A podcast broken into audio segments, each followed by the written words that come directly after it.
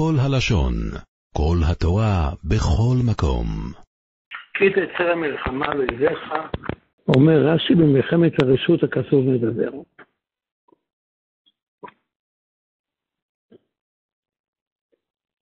יש שני סוגי מלחמות, כידוע, מלחמת מצווה, אם זה מלחמת מגן, מלחמה לכיבוש ארץ ישראל, במלחמת מצווה יוצא גם חתן מחופתו. אבל במלחמת הרשות, זו להרחיב את הגבולות, חתן משוחרר, נקי אל אביתו שנה אחת,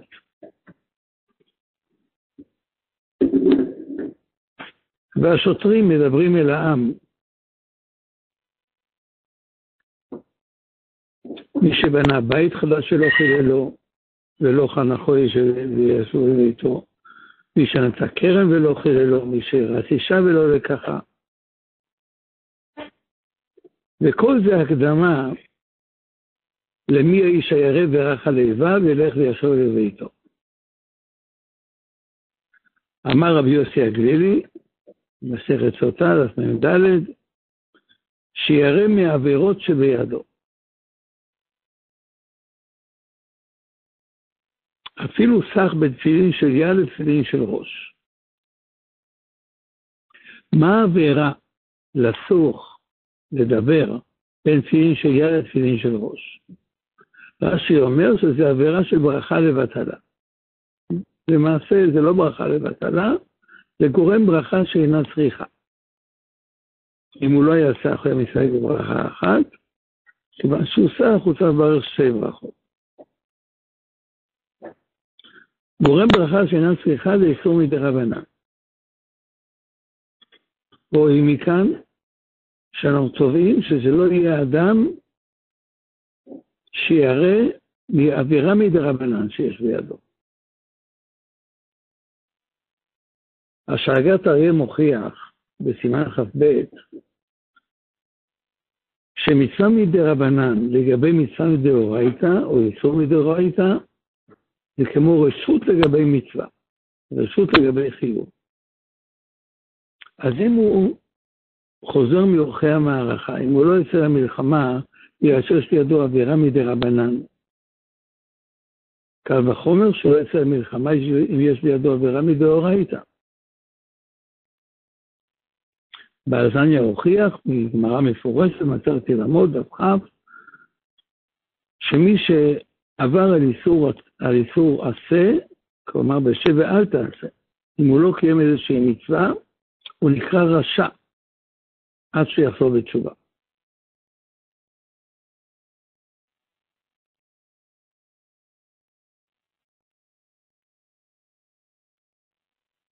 אז מי יצא למלחמה? אם מי שיש בידו עבירה מדי רבנן לא יוצא למלחמה, יש מי שיש בידו ביטול מצוות עשה לא יוצא למלחמה. והגמרא אומרת, במסכת זכין דף ז, אין לך אדם בישראל שאינו מחויב עשה. מי יוצא למלחמה?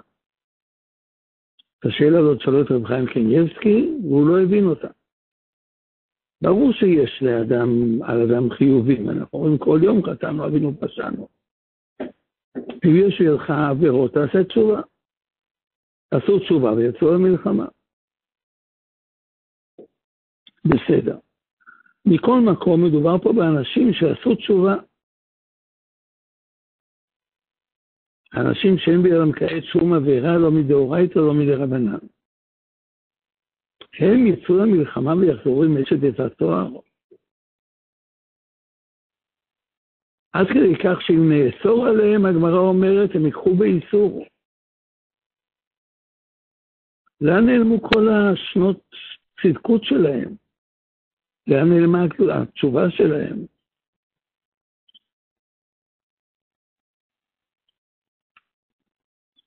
יש כאן גילוי של אל תאמין בעצמך עד יום מותך. אתה יכול להיות צדיק גמור, אין לו חובתך, לא איסור מדאורייתא, לא איסור מדרבנן. אתה יוצא מהמסגרת אתה עלול לחזור אחר.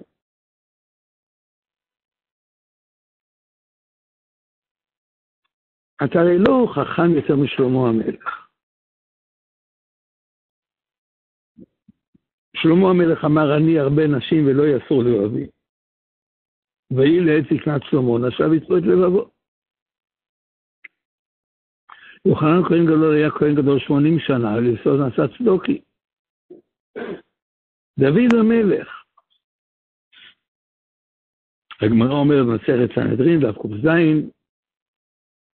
לעולם יביא אדם עצמו לידי ניסיון. שהרי דוד המלך הביא עצמו לידי ניסיון ונכשל.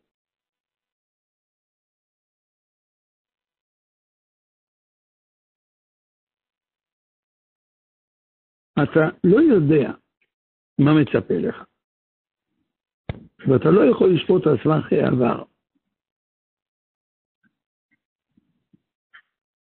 כותב החסיד יעבץ על המשנה שאומרת, אל תאמין לעצמך עד יום מותך. אל תגיד לעצמך שכבר התמודדת בניסיונות וניצחת. למה לא? כי הגמרא אומרת שיצרו של אדם מתחדש עליו בכל יום. ויצרו של אדם מתגבר עליו בכל יום. אז לא היצר שניצחת אותו, זה היצר שמחכה לך. אבל היצר שמחכה לך, אתה לא יודע אם תוכל לעמוד בו או לא. בסוף ספר דגל מחנה אפרים, מספר הנכד של הבעיה שם טוב. פעם הוא ישב לבעיה שם טוב על הברכיים, כשהבעיה שם טוב נפטר הוא היה ילד בן 12.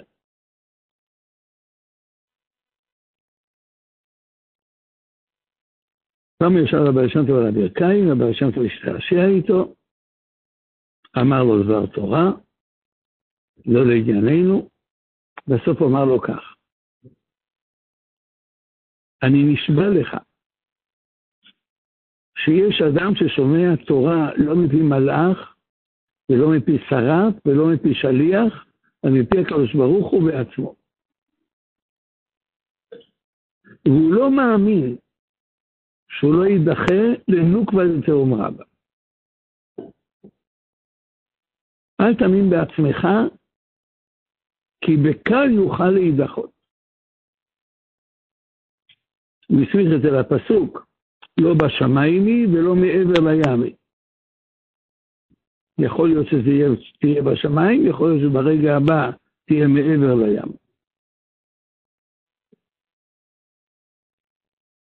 ומוישה רוזנשטיין מספר שהוא היה בחור, בחור צעיר, בישיבת תל, פגש ברבי ירוחם אמיר, האגדי. הוא שאל אותו, איך אפשר להבין את החטאים של דור המדבר? דור שקיבלו תורה מפי הקדוש ברוך הוא, דור שכולם היו נביאים, דור שהזוהר הקדוש אומר שלא היה דור כזה מבריאת העולם ולא היה דור כזה עד סוף העולם. איך אפשר להבין את החטאים שלהם? הוא התכונן לתשובות גבוהות. אנחנו לא יודעים מה היו, מה היו החטאים שלהם, לא יודעים מי היו הם. ושלום חמימיר התחיל לבכות. ואמר לו, זה כוחו של יצר הרע. התחיל לצטט בפניו את הפסוק מקבלת שבת, 40 שנה עקוד בדור, ואומר אנטו אלה בבן, ולא ידעו דרכי. יש קו גמרא, מסרת קדושים דף פ"א, שרבי מאיר היה מתלוצץ מעוברי עבירה, רבי עקיבא היה מתלוצץ מעוברי עבירה. מה זה לעבור עבירה? איך אפשר לעבור עבירה? ויצר הרע הראה להם ש, ש, שגם הם ב, ב, ב, בסיכון מרחם. אלמלא ייחודו בשמיים, יזהרו לכם ברבי מאיר ובתורתו, הייתי עושה דמך לשני מים.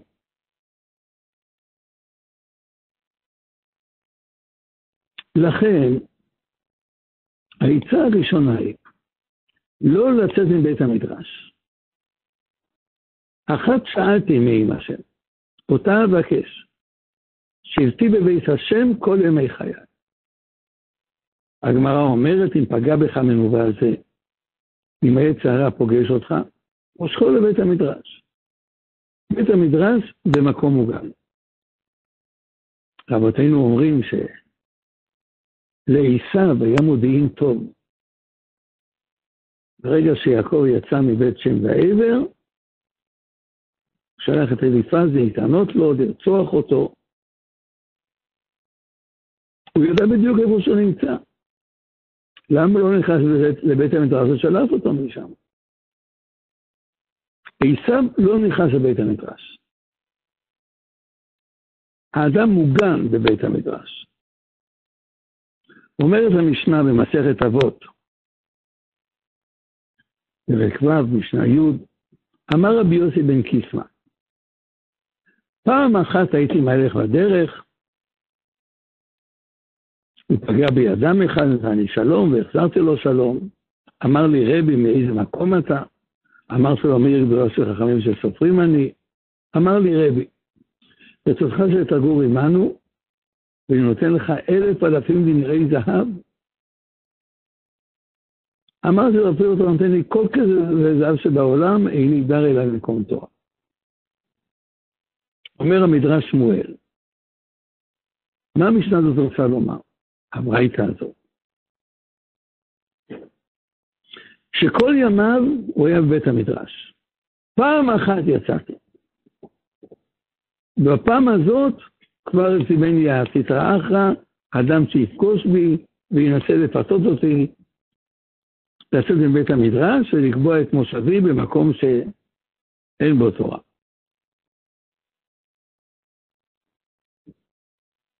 אני מבקש להזכיר סיפור בגמרא, ולעמוד על דגש אחד בסיפור הזה. כולם יודעים את הסיפור.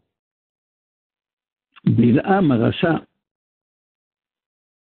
אמר לבלק,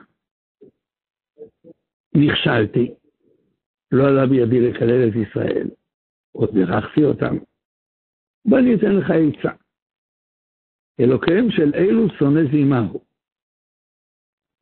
תלך, תתקין להם סוכות, הם אוהבים כלי חרס, אחת תמכור בחוץ, אחת צעירה יותר תמכור בפנים, ותגיד, זו שבחוץ, תגיד לו שבפנים יש מבחר יותר גדול, הוא ייכנס פנימה וייכשל. וכך היה. נכשלו בבנות מדיין, נכשלו בבעל פאור,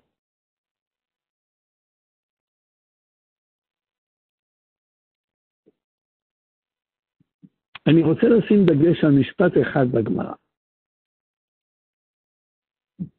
בשעה שישראל אוכלים ושותים ושמחים, ויוצאים לטייל בשוק, הכל קרה. אם היו נשארים במחנה, אם היו נשארים בבית המדרש, לא היה קורה כלום. יצאו החוצה והכל קרה. מישהו אמר לי, שהוא שמע מרב ספרדי. לא אמר לי מי הוא, וזה אמרה של הרב הזה. ויהי היום, פסוק בספר איוב, תחילת ספר איוב. ויהי היום, הזוהר הקדוש אומר, היום זה ראש השנה, ויבואו בני אלוהים להתייצב על השם, המלאכים באו לעמוד למשפט, ויתייצב גם השטן בתוכם. ויאמר השם מאין תבוא? משוט בארץ ואתם. אמר אותו רב ספרדי, הכל מוכן למשפט, בני ישראל עומדים למשפט, פתאום השטן בא עם, עם, עם צורות של עבירות. שאתה פשוט אומר, מאיפה הוספת אותם? מישות בארץ, הוא אומר, מבין הזמנים. יוצאים לשוט בארץ, הכל עלול לקרות.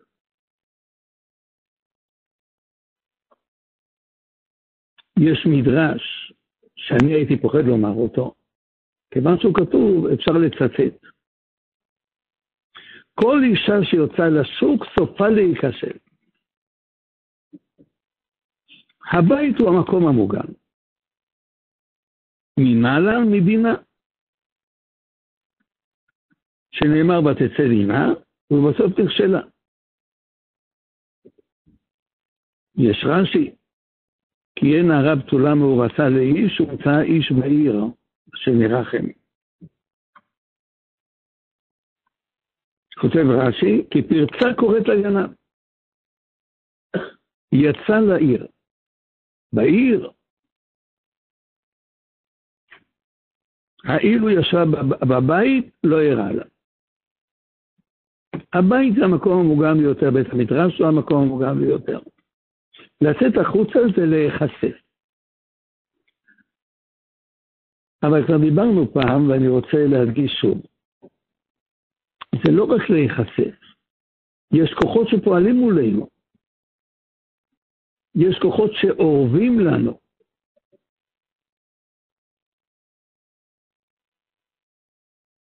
שלמה המלך כותב על האישה הרעה, על היצר הרע, פעם בחוץ ופעם ברחובות, אצל כל פינת העירום.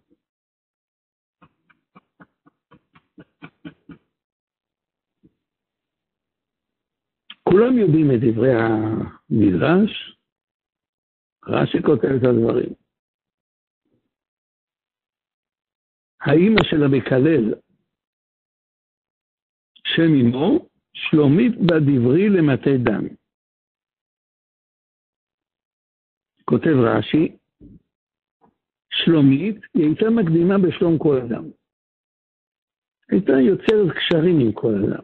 מה שלומך, מה נשמע. שלומית בדברי, היא הייתה מדברת.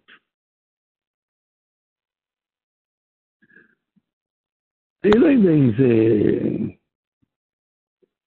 חיסרון. אומרים שיש כידוע שלושה, חמישה דרגות בבריאה. יש דומם, צומח, חי, מדבר, רבי נפני ראשי זה הוסיף מדברת. עוד, עוד דרגה בבריאה. אישה היא יצור מדבר. אי אפשר לטעון נגד זה, לכאורה. יש קונטרה בשם באור החיים. ידוע שהאור החיים הקדוש נסע דרך ליבורנו להדפיס את הספר שלו, נשאר שם תקופה מסוימת, אחר כך עולה לארץ ישראל. באותה תקופה שהיה בליבורנו, הסתבכו אליו בני תורה, שמעו מפיו דרשות, ואחד מהם העלה את הרעיונות על ספר, סיפרון קטן, באור החיים. הוא כותב שם וורט, לא, כנראה זה וורט. אור החיים שאל שאלה, שלכאורה לא שאלה. הוא יש לו מידה, למעט בנס.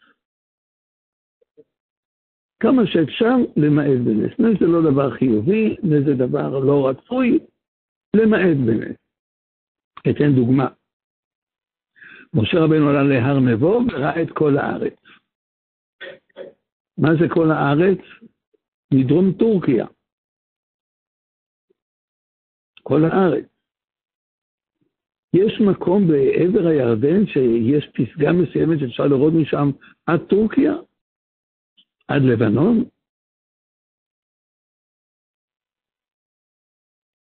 ברוח הקודש. אז למה הוא היה צריך לעלות בכלל? למעט בנס. אז אם כך שואל האור החיים הקדוש, למה הקדוש ברוך הוא ברא את האדם הראשון? ממנו הוא הוציא בנס, נס גלוי, לקח צלע, ברא את האישה. היה אפשר למעט בנס, לברוא את האישה קודם. ושהאישה תוליד את האדם הראשון.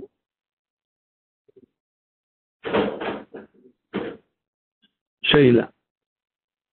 עונה אור החיים הקדוש, פשוט הקדוש ברוך הוא ריחם על האישה. אם זה היה כך, הייתה שעה שלא היה לה עם מי לדבר.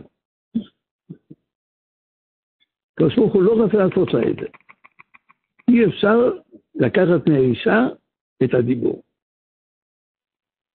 אבל סוף כל סוף כתוב על שלומי בדברי למטה דן, שהייתה מדברת עם כל אדם, הייתה שואלת בשלום כל אדם. והיא הייתה היחידה בעם ישראל שנכשלה הבן שלה היה בן של מצרי.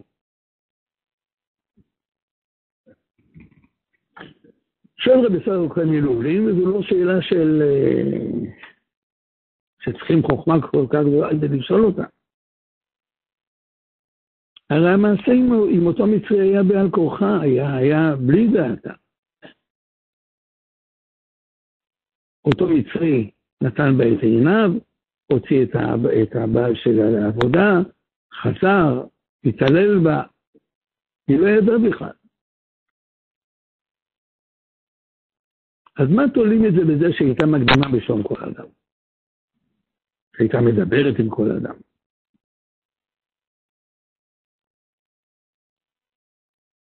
אומר בסדר אלוקים מלובלין, היא פתחה את עצמה להתגרות של הסטרה אחת. ואז קוראים לה דברים בלי שהיא תרצה. פצע איש בעיר ושכב עימה.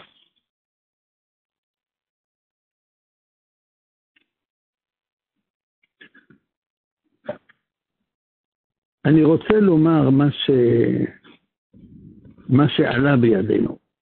כולנו יודעים שאם אדם עושה עבירה אחת, מפיק עבירה אחת, הוא פותח את עצמו לעולם של עבירות.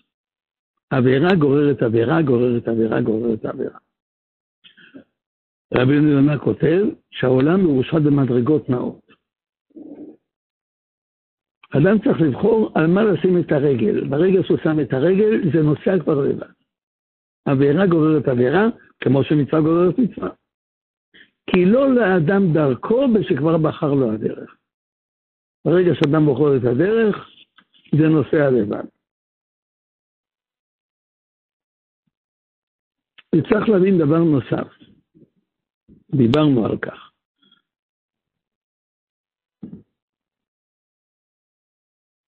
היצר הרע הוא רדום.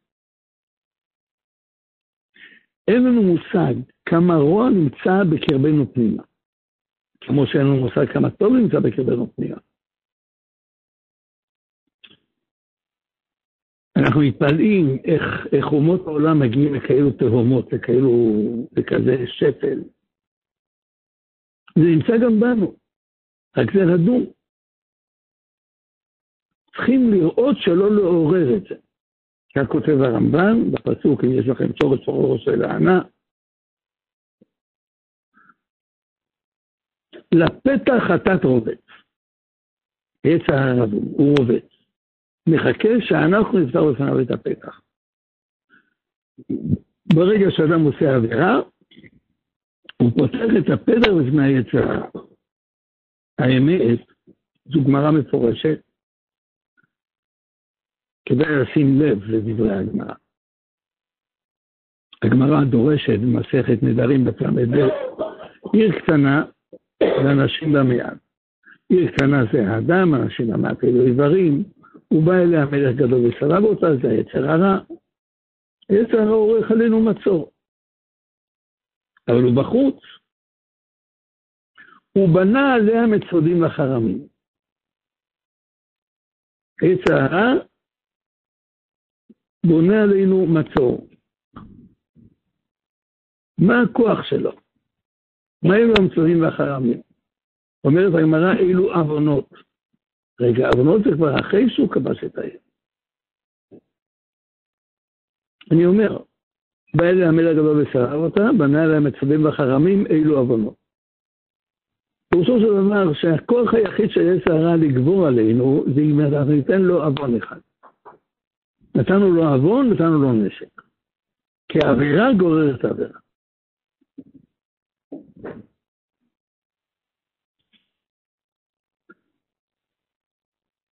רבותינו לומדים את זה מיעקב,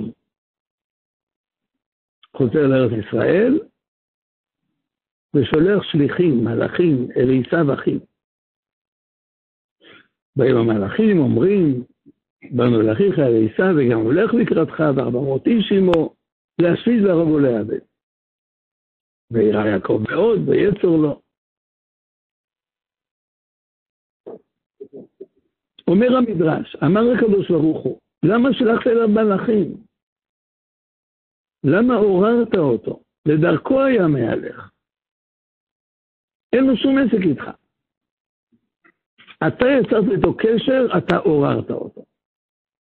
אסור ליצור קשר עם היצר הרע.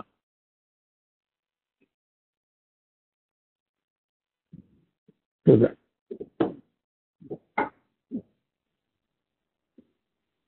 הגמרא מספרת שרבי מאיר היה בונה את הדרסה שלו שליש הלכה, שליש אגדה, שליש משלים. משלי שועלים, כותב רש"י. רש"י נותן דוגמה למשלים שלו. יש לו תשובות. הגאונים כמה משלים של רבי מאיר. אחד המשלים. אחד המשלים לו מכרם עשה ממנו מטעמים. השועל הלך לטייל לפנות ערב וראה באר. בשדה. הסתקרן. הסתכל פנימה, מים עמוקים, הוא נזכר שהוא באמת צמא.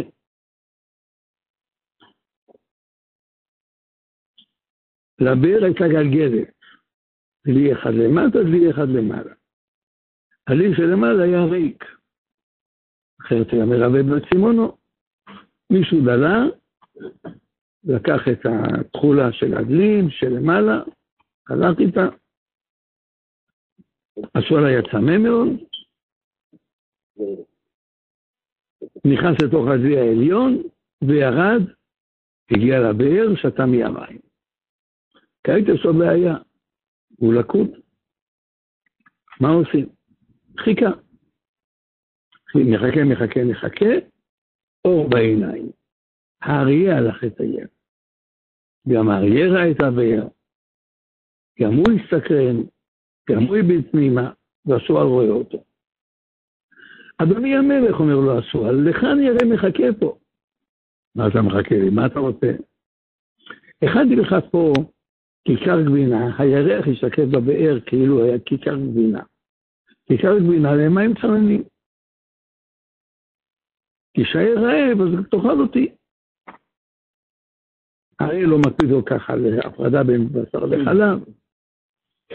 איך אני אגיע? הוא אומר, הכנתי לך למעלה. נכון. האריה נכנס לתוך השבי העליון, הכביד, עשו עליו כחצי קשת, ונמלט. זה המשל. מה הנמשל? הנמשל לכאורה פשוט. השועל זה יצר הרע. במה הוא מפתה אותנו להיכנס למלכודת? הוא מבטיח לנו כיכר גבינה. תיכנסו, תבואו אליי, אני אתן לכם מה שאתם רוצים. אריה התפתה, ירד, ומה הוא קיבל? אין כיכר גבינה. קיבל דמיון. היצר הרע פתח אותנו בדמיונות בלי, בלי לשלם לנו. חינם נמכרתם. זה בפשוטם של דברים. הבן איש חי מוסיף. בתחילה שועל היה במלכודת. היצע הרע, לא, לא, בלי יכולת פעולה. מה אריה עשה כשהוא ירד בחבל? הוא נהיה לקוד ושחרר את השועל. האדם למעשה משחרר את היצר הרע ברגע שהוא עובר, ברגע שהוא שומע לקולו.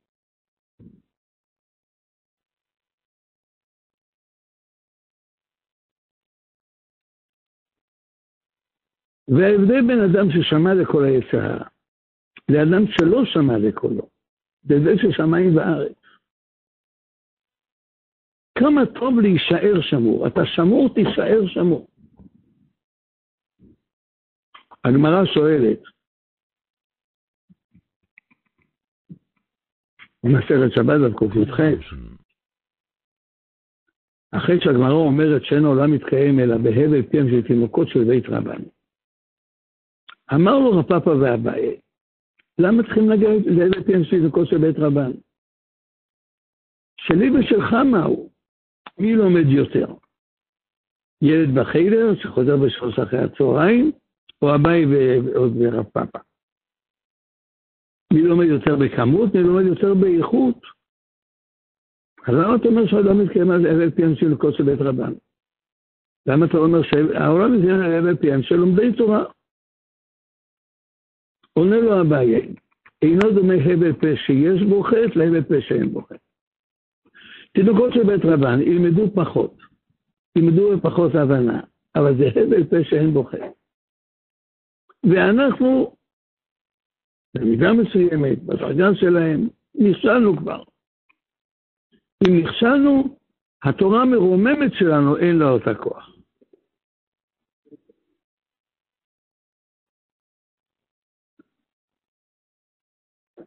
אמר רבי חייא ברב, אמר רבי יוחנן, אמר המסרת ברכות, כל הנביאים כולם לא נתנבאו אלא לבעלי תשובה. כל, כל, כל נבואות הנביאים על טובת אחית הימים, זה רק לבעלי תשובה, אבל צדיקים גמורים, עין לא ראתה אלוקים תורתך. אי אפשר לעשות בכלל צדיקים גמורים, הצגת הנביאים לא יכולה להשיג את השכר שהם יקבלו.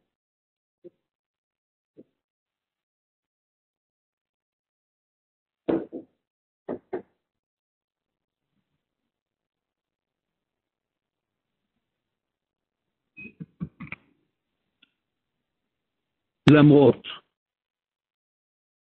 שהגמרא אומרת שבמקום שבעלי תשובה עומדים, צדיקים מורים אינם יכולים לעמוד. לכאורה צדיקים, בעלי תשובה בדרגה יותר גבוהה. אומר שם המהרשו, לא מדובר על אדם שחטא בפועל. אדם שחטא בפועל, כולם מודים שהוא בדרגה פחותה מצדיק גמור. כל השאלה היא, מה עדיף יותר? צדיק גמור שאין לו שום, שום נגיעה לחטא, או צדיק גמור שמתמודד ובכל זאת גובר על יצרו. אז אומרים שבעלי תשובה, כלומר, אדם שמתמודד וגובר על יצרו, עדיף על מי שלא מתמודד בכלל. למרות שאנחנו היום אומרים אולי שמי שלא מתמודד בכלל, הוא גדול יותר. שאול המלך, כבן שנה שאול במרחו, כבן שנה שלא טעם טעם חטא, אין לו שום נגיעה לחטא. דוד המלך התמודד.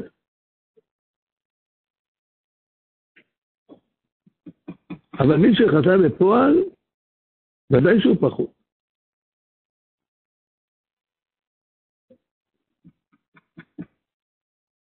רבותינו אומרים שבשמחה בית השואבה היו אומרים, אשרי מי שלא חטא, ומי שחטא ישוב וימחה לו.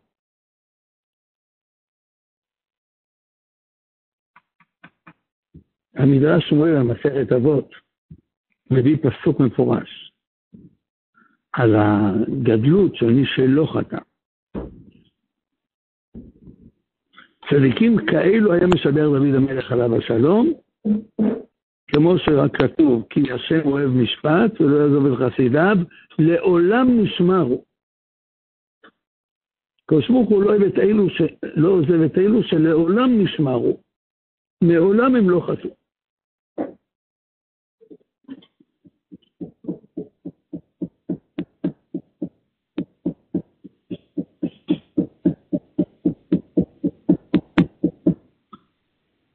זה נכון,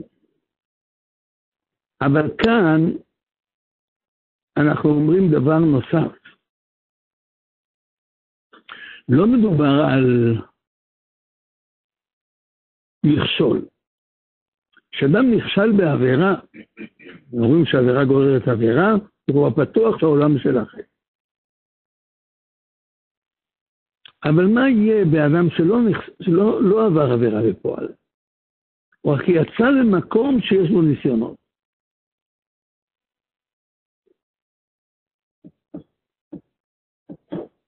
כותב הנפש החיים, שברגע שאדם נחשף למקום שיש בו ניסיונות,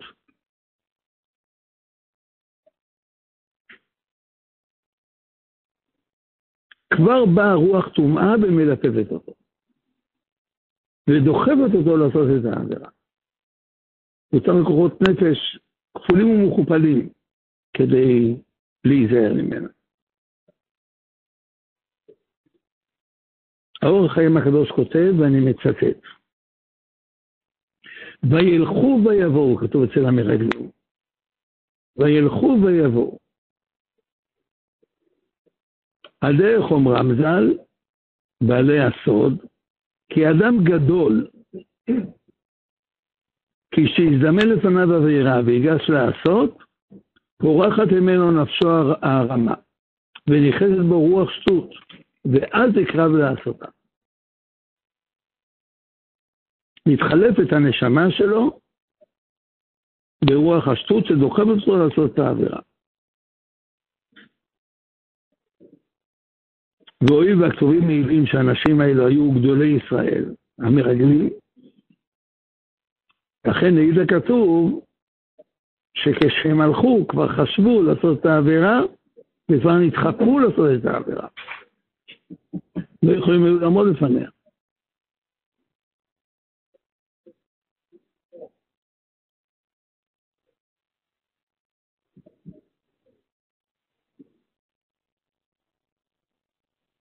ויותר מזה, אנחנו כעת לא מדברים על אדם שרוצה לעשות עבירה, מתלווה אליו רוח סות.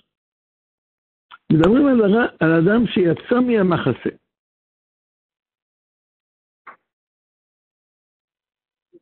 רבי ירוחם ממיר אומר שהחטא הראשון הוא האף טיפוס של החטאים. מה יהיה החטא הראשון בעולם? החטא של אדם וחווה. איך זה התחיל? איך היה לנחש בכלל מקום לבוא אליהם? אומר הכתוב, בראשית פרק ג' פסוק א', והיו אדם ואשתו ערומים ולא התבוססו. כותב שם רש"י, שהנחש ראה אותם שהם עסוקים בתשמיש והתאווה לחווה. ואז הוא חשב איך אפשר להגות את האדם מן הדרך, השאר היסטוריה. אומר רבי רוחם ממיר, הם לא עשו מעשה של עבירה. עשו מעשה של מצווה אבל הם כבר פיתו את הנחש. אומר רבי רוחם ממיר, יש פתגם עממי, על קירות חלקים לא מטפסים. גם לא היצר הרע. אם תשאיר את עצמך סגור, תשאיר את עצמך גדור, הוא לא יוכל לבוא. אתה פותח את הדלת, את בפניו, אתה מזמין אותו. גם בלי שאתה יודע שאתה מזמין אותו. שלומית בדברי, חשבה להזין את, את, את המצרי, דינה חשבה להזין את שכם, היא פתחה את עצמה לניסיון. ואני מבקש להזכיר, לפני כ-70 שנה,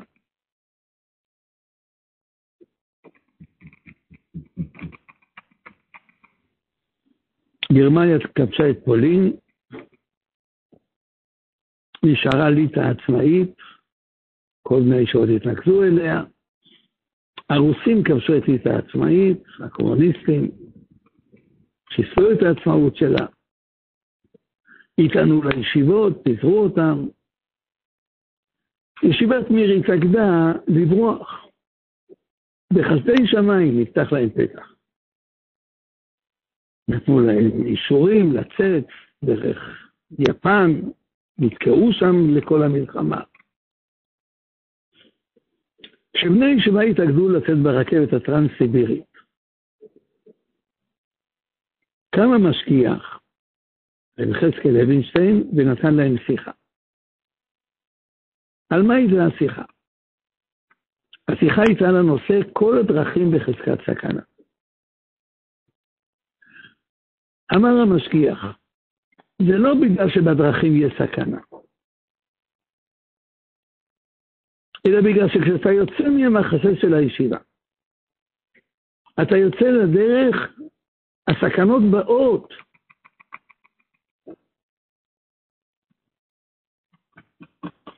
צדיק גמור יוצא למלחמה. כי תצא למלחמה אויביך, שבית שביו, וראית בה שביה, וחשקת בה, ולקחת לך לאישה, הכל קורה. בגלל מה? בגלל שיצאת. יצאת למלחמת הרשות, מותר לך לצאת, חובה לך לצאת. יצאת, נחשפת. אולי בגלל זה חודש אלול הוא אחרי בין הזמנים. יצאנו, נחשפנו, נחזור חזרה למקלט ששבתי בבית השם כל ימי חיי. תודה. עולם שלם של תוכן מחכה לך בכל הלשון, 03 617 1111